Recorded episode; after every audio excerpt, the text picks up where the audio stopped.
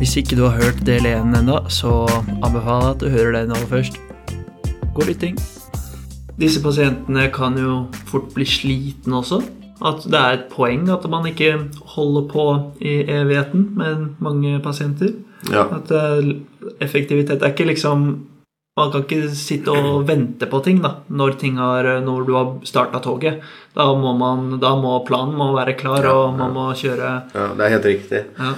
Det er Ofte så består en behandling av en, en, en aktiv del og en passiv del.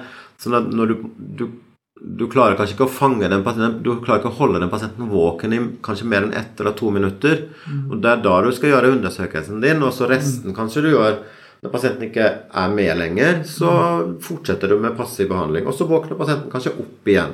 Så det er, du må være litt fleksibel i måten du håndterer pasientene dine på. da.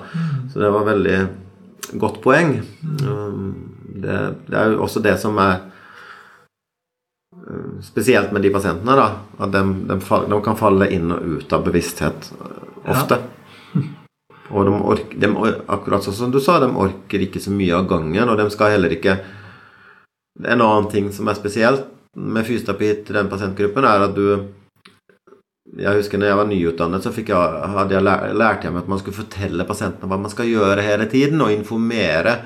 Men, men denne pasientgruppen så er ofte Det blir for mye inntrykk, og, og at du som fysioterapeut snakker hele tiden. Og fortel, de, de klarer ikke å ta det inn. Du må heller være stille. ja. Uh, og, og la pasienten få et sanseinntrykk av gangen. Da. ja. Og det tror jeg kanskje er kjempeviktig. At man lærer seg, da. At man ja, Man liksom glemmer litt det der med at man skal informere så veldig mye hele tiden i detalj om hva man skal gjøre. ja. En pasient med en, en fersk hjerneskade klarer ikke å ta inn så mye informasjon, så det er ingen vits. Sant. Det, ja, det er jo Man får heller klarere med de man jobber sammen med. De, hvis man jobber tverrfaglig med eh, pasienter i en slik akutt fase, kan jo heller kanskje praten gå mest med sykepleieren om å lage en plan, om å være orienterte begge to. Men eh, det her er kanskje et litt sånt eh, vanskelig spørsmål, da, som kanskje ikke det er noe sånn automatisk godt svar på. Men disse det er en veldig alvorlig situasjon man er i hvis man uh, har fått en uh, ja, Nå snakker jeg om subarachnoidalblødninger, da, fordi det på en måte var det ordet som stikket til meg når vi startet denne podkasten. Det er en alvorlig situasjon, og man uh, kan jo på en måte sikkert merke seg at man er i en sykehussetting, at man har blitt utfor noe alvorlig, selv om man kanskje selv ikke kan forstå helt hva som har skjedd. Hvem vet? Men hvis man da på en måte ikke prater med pasienten, eh, eller informerer om alt mulig, man prater jo med pasienten, men at man ikke har en veldig sånn aktiv verbal del av behandlingen. Hvordan kan man trygge pasienten eh, gjennom fysioterapi? Er det, hvordan får du de til å stole på deg? Det er ikke Ja, sikkert de ja. gjør det heller, men, men Jo da, absolutt. absolutt. Det, det snakker vi veldig mye om. Og må, Ja. måten vi håndterer pasientene er jo kjempeviktig. Så vi, Pasienter som er i oppvåkningsfase, kan, de, har jo, de kan jo ha nevrologiske utfall. De har, de har ikke følelighet, de kjenner ikke kroppen sin. De, så måten du håndterer pasientene på med approksimasjon, kropps... eh, Du gir kroppsgrense til pasienten. ja. eh, stimulerer huden på en, på en, på en samlende måte. Eh, og gjør det i rolige omgivelser. Skjermer fra andre inntrykk samtidig. Noen ganger så ber jeg sykepleieren om å gå ut av rommet uh, og lukke døren. Uh, og så jeg får være helt alene med pasienten. Og du kan, det er litt vanskelig å ha en eh, at sykepleieren står og veileder studenter samtidig som du behandler. Det er liksom ikke optimalt. Hva er den sa. Så måten du håndterer, hvilke grep du bruker. men så bruker vi også som er generelle pasienter på intensiv som ofte kan ha delir, så er det kjempeviktig med sånn forankring at du har dato på veggen, du har klokke. Man gir enkle kommandoer eh, og kort informasjon om hvor de er, hvilken dag det er, og hvis, det, er ikke of, det er ikke så veldig ofte at vi spør dem for å finne ut av om de er orienterte, men vi heller forankrer dem og orienterer dem om Ja. Hvor de er, hva som har skjedd, og, og hva vi skal gjøre. Ja. Og så, når man har gjort det, så jobber man helst i stillhet med pasienten. Og lar dem på en måte bare oppleve Ja. og se, ser og følger med på hva som skjer. Om de begynner å delta og overta aktivitet. Vi jobber mye Prøver å jobbe funksjonelt. Mm. Eh, som ja, egentlig betyr at du prøver å jobbe liksom med sånn ADL-type tiltak. Da, at du får en børste i hånda og ser om de klarer å skjønne hva det er, f.eks. Eller Ja. at man også inkorporerer det i fysioterapien. da. Ja, det, Jeg snakker hull i hodet på Ja, men det, jeg syns det er kjempespennende. Og det er sånn Jeg, jeg ser jo bare at eh, vi skulle hatt ti episoder med deg, Kenneth. Men eh, vi, vi, vi kan eh, Vi kan eh, gå videre. Så vi har jo eh, spalten vår Gråsonefleip eller fakta, der jeg leser opp eh, påstander der du skal si fleip eller fakta, og så får du lov å kommentere kort på det, da, fordi det er jo sånn i, i faget vårt at det er jo ikke svart eller hvitt, det er gråsoner. Så Ja. det er egentlig bare for å putte deg litt eh, on the spot og Yes. prøve å få deg til å svare fleip eller fakta. Så påstand 1. Hvis du mister en nervekobling i hjernen, får du den aldri tilbake. Fleip eller fakta? Nei, det er fleip. uh, eh, er, hjernen er mer plastisk enn vi eh, tidligere har tenkt. Og den, den, den klarer å lage nye uh, koblinger, og det kommer andre områder. Altså det kan være områder som på en måte du har skadet, da. Men, uh, men hjernen eh, er- har evne til å på en måte overta Andre områder kan overta samme funksjon, da. Ja, riktig, riktig. Så, mm. Ok, men, men eh, Vi sier fleip på Det det. er fleip. Ja, eh, fordi du får jo aldri tilbake den, den du mistet, da. Den, eh, så kanskje det er fakta, men at det er plastisk. Ja. Jeg vet ikke. Når det, for eksempel når det, altså når det gjelder ryggmargskader, så er det jo dessverre sånn at du, hvis du får en total ryggmargskade, så får Ja. du eh, da Per i dag så vet man ikke hvordan man skal reparere det. Nei, det er sant. Mm. Ja.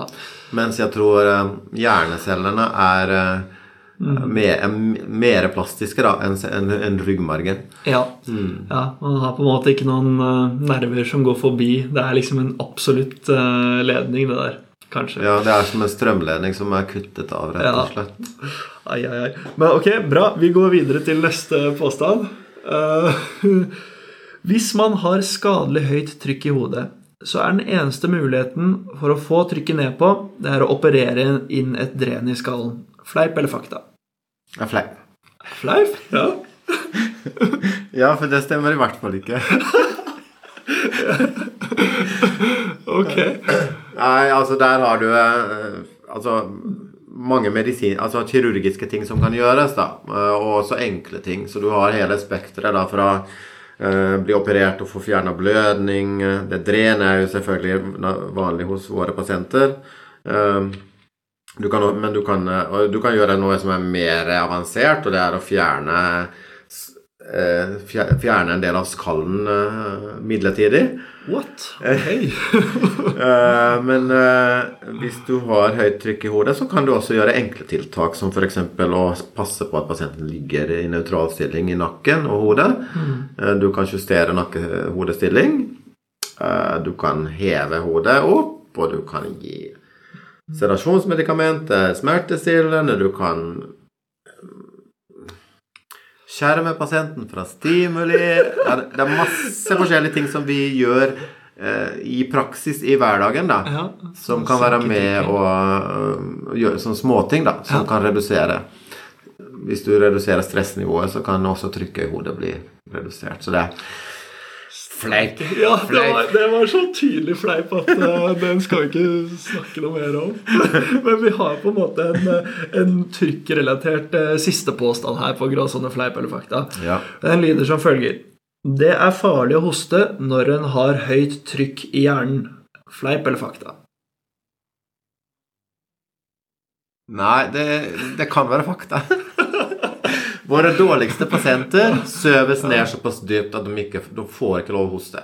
Så okay. når, du, når du er på ditt verste, Ja. uh, Så, så det må vi si fakta på. Ja. For det er helt riktig for noen pasienter. Noen okay. pasienter skal ikke engang hoste. Fy søren. Ja, det Da er det sensitivt, da. da hører, det høres så alvorlig ut hvis man er i den situasjonen. Men bra. Jeg syns det var morsomt å utfordre deg litt på de, de fleip eller faktaene. Fordi vi er jo ikke noe glad i å si fleip eller fakta i eh, bransjen vår. Nei, men Du fikk ganske tydelige svar av meg nå, gjorde du ikke det? jeg syns du var veldig flink. Ja. ok. Vi skal ha en eh, spalte til til slutt. Og det er spalten som går mest igjen her på Fysi-podkast, og det er aha-opplevelser. Der gjerne vil høre noen ja, scenarioer som har skjedd, eller har en sterk assosiasjon til hva som egentlig har skjedd, som på en måte skåner taushetsplikten litt, hvis man ikke har fått lov å prate om det. Så jeg lurer litt på Har du noen eh, aha-opplevelser vi skal dele med lytterne våre i dag, eh, Kenneth? Ja, jeg har vel noen. Ja. Vi spørs seg hvilken du, vi skal, hvilke vi skal begynne med, da. Nei da, jeg har um. Jeg kan vel eksempel fortelle om uh, uh, en aha-opplevelse, den siste jeg hadde, som uh, var når jeg traff pårørende og familien til en tenåring som, som hadde ligget inne på intensivavdelingen. Uh, uh, traff hele familien i etterkant og fikk liksom bekreftet hvor utrolig viktig det er med å involvere familie. Eh, og også for voksne pasienter involvere pårørende i, i, i fysioterapibehandling på intensiv. Eh, og det er noe som når jeg starta min karriere, så, så var ikke det så veldig vanlig. Eh, når fysioterapeuten kom, så ble oftest familien kastet ut, mer eller mindre. ja. Um, spesielt på, på voksne pasienter, og da skulle det kunne være fysioterapi. Og nå er det mye mer fokus på å involvere familien, og det fikk jeg liksom bekrefta når jeg traff den familien. For de ga veldig tilbakemelding på at det var utrolig godt for dem å få delta i, i, i, i behandlingen og få se fysioterapien, se hva jeg gjorde, og, og så Samtidig så ble de på en måte involvert i så hva jeg gjorde, og de kunne på en måte repetere det samme seinere selv, og de fikk betydelig økt mestringsfølelse og øh, ble en del av øh, behandlingen istedenfor å sitte passivt og føle at de ikke hadde i en helt håpløs situasjon hvor de på en måte hadde holdt Det var en veldig alvorlig situasjon, da. ja. Eh, hvor det er mye viktigere at du eh, kan få være med og delta og føle at du kan påvirke, Ja. eh, enn å bare sitte og se på. Um, og det var sånn um, Ja, en aha-opplevelse som bekrefter liksom hvor viktig det er at vi, vi fysioterapeuter på intensiven er uh, åpne for det, ja. Eh, og ikke eh, involverer familien, spesielt når de har ønske om det selv. Fy søren. Mm. Ja, nei, jeg ser det jo virkelig for meg at uh, i en uh, situasjon som kan virke håpløs og ganske sånn ja, det er, det er, Man er jo i en krise som familie også. At uh, man ja, kan føle at man ikke bare står i veien. og Ja. ved å bli inkludert i uh, fysioterapi. Mm. Ja, vi, vi, vet, vi vet liksom litt mer om hvordan det går med pasientene nå etter at de har vært innlagt på intensiv. Og det er vel- veldig mange som sliter i etterkant med forskjellige ting. Det finnes noe som heter PICS, som er sånn Post-Intensive Care Syndrome. Og så har man også begynt å snakke om PICS Family, eh, hvordan familien også blir påvirket. Mm. og også kan slite lenge i etterkant. Så det er, og, og, så det at man har begynt med sånn poliklinisk oppfølging av intensivpasientene, har gitt oss mer informasjon og kunnskap om hvordan, også hvordan familien kan ha det på sikt, og hvordan, hvordan vi liksom, når pasientene ligger inne, da kan motvirke og, og, og eh, altså profylaktisk behandle det. Da, at, de, at, de, at um, både pasienten, men også familien har det bedre i etterkant. da. Ja. Så det er viktig kunnskap å, å, å ta inn, da. ja, ja. Så det, um, det er min Ja. første aha-opplevelse Ja, bra. til deg. Kjempebra. Jeg Servert på et fat. Ja, deilig. Ah, det smakte bra. Ja, men det er veldig fint å, å høre. Og det er sånn som du sier, da, at liksom det med familier Det kan fort eh, neglisjeres, da, fordi man har jo så innmari pasienten i fokus. Men eh, det er også eh, Man må ta vare på det som står rundt pasienten eh, når den kommer ut fra sykehuset også. Mm. Mm. Ok, men eh, det ligger jo litt sånn imellom kortene her at har du flere aha-opplevelser eh, vi skal ta opp før vi runder av? Ja, altså jeg, jeg har noen sånne Man skal jo også lære seg av sine mistak, da. Ja. Uh, og, og jeg har noen sånne opplevelser i karrieren min som jeg, på som jeg, som jeg, ikke, som ikke har klart å glemme, og som har faktisk påvirka yrkesutøvelsen min, da. Og, og det ene, ene jeg kom, til- å tenke på, var eh, når jeg behandlet altså Dette er lenge siden, da, men da vi drev og, og brukte sånne am- ambubag og bagget-pasienter for å øke tidevolumene deres. da, Ja. Uh, Som en del av lungefysioterapien. Uh, og på den tiden så var det ganske vanlig. Men samtidig så begynte det å komme ny kunnskap om at vi visste at det ikke I en del tilfeller så var det ikke så veldig bra, fordi du kunne faktisk eh, gjøre Pasienten kunne bli dårligere av å bli koblet fra respiratoren og baget. da. ja. Og da hadde jeg en pasient hvor eh, legen insisterte veldig på at jeg skulle gjøre det. Og, og, og når legen da bestilte den type behandling, så utførte jeg det. Ja. Men det resultatet at pasienten ble veldig mye dårligere etterpå. Eh, og det er noen, noen pasienter som har sånne stive lunger. Eh, tolererer ikke å miste den, det trykket som du har i thorax. Du snakket jo om trykk i thorax, men noen ganger så er vi nødt til å opprettholde et høyt trykk i thorax for å, for å ikke skade lungene, da. Ja. ja. Uh, og da kan det være negativt å, å miste det trykket. En pip, som vi kaller det. ja. At den situasjonen fikk meg bare til å liksom innse at eh, vi som fysioterapeuter, vi det er vi som styrer indikasjon og kontraindikasjon på våre tiltak. Så vi, man kan, vi, kan ikke, vi kan ikke skylde på noen andre. Nei, ikke sant? Eh, og det er utrolig viktig at vi tar ansvar selv for det vi gjør. Eh, I det tilfellet her kunne jeg jo liksom ha sagt at ja, men legen sa jeg skulle gjøre det. Ja. Men det gjør, det gjør ikke situa- situasjonen bedre, egentlig. Nei.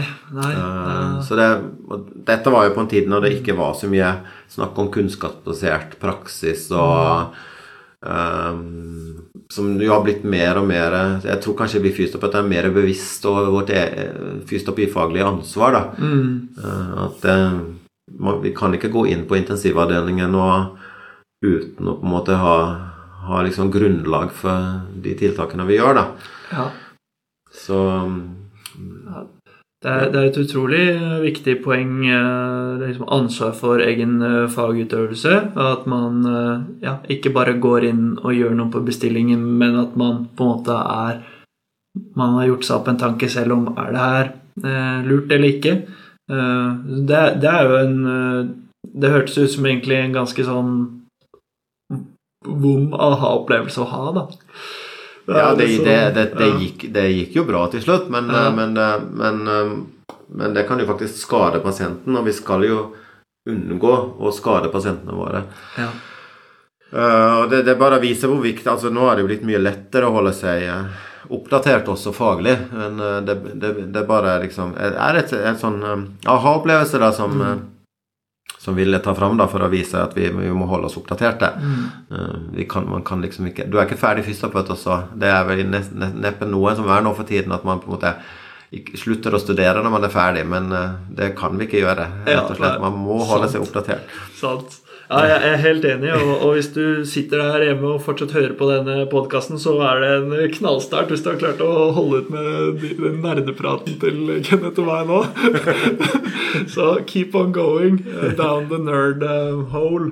Men eh, vi er i eh, mot slutten av podkasten nå, og så um, du sendte en sånn liste med litt sånn lenker og litteratur eh, som den engasjerte lytter kan få lese. Sånn ref egentlig det vi snakket om, å fortsette å holde oss oppdaterte. Og hvis eh, måte, det her er en aktuell pasientgruppe for deg, så kan jo det her være en refreshment for eh, noen ting å, å lese. Da. Eh, eller se på også.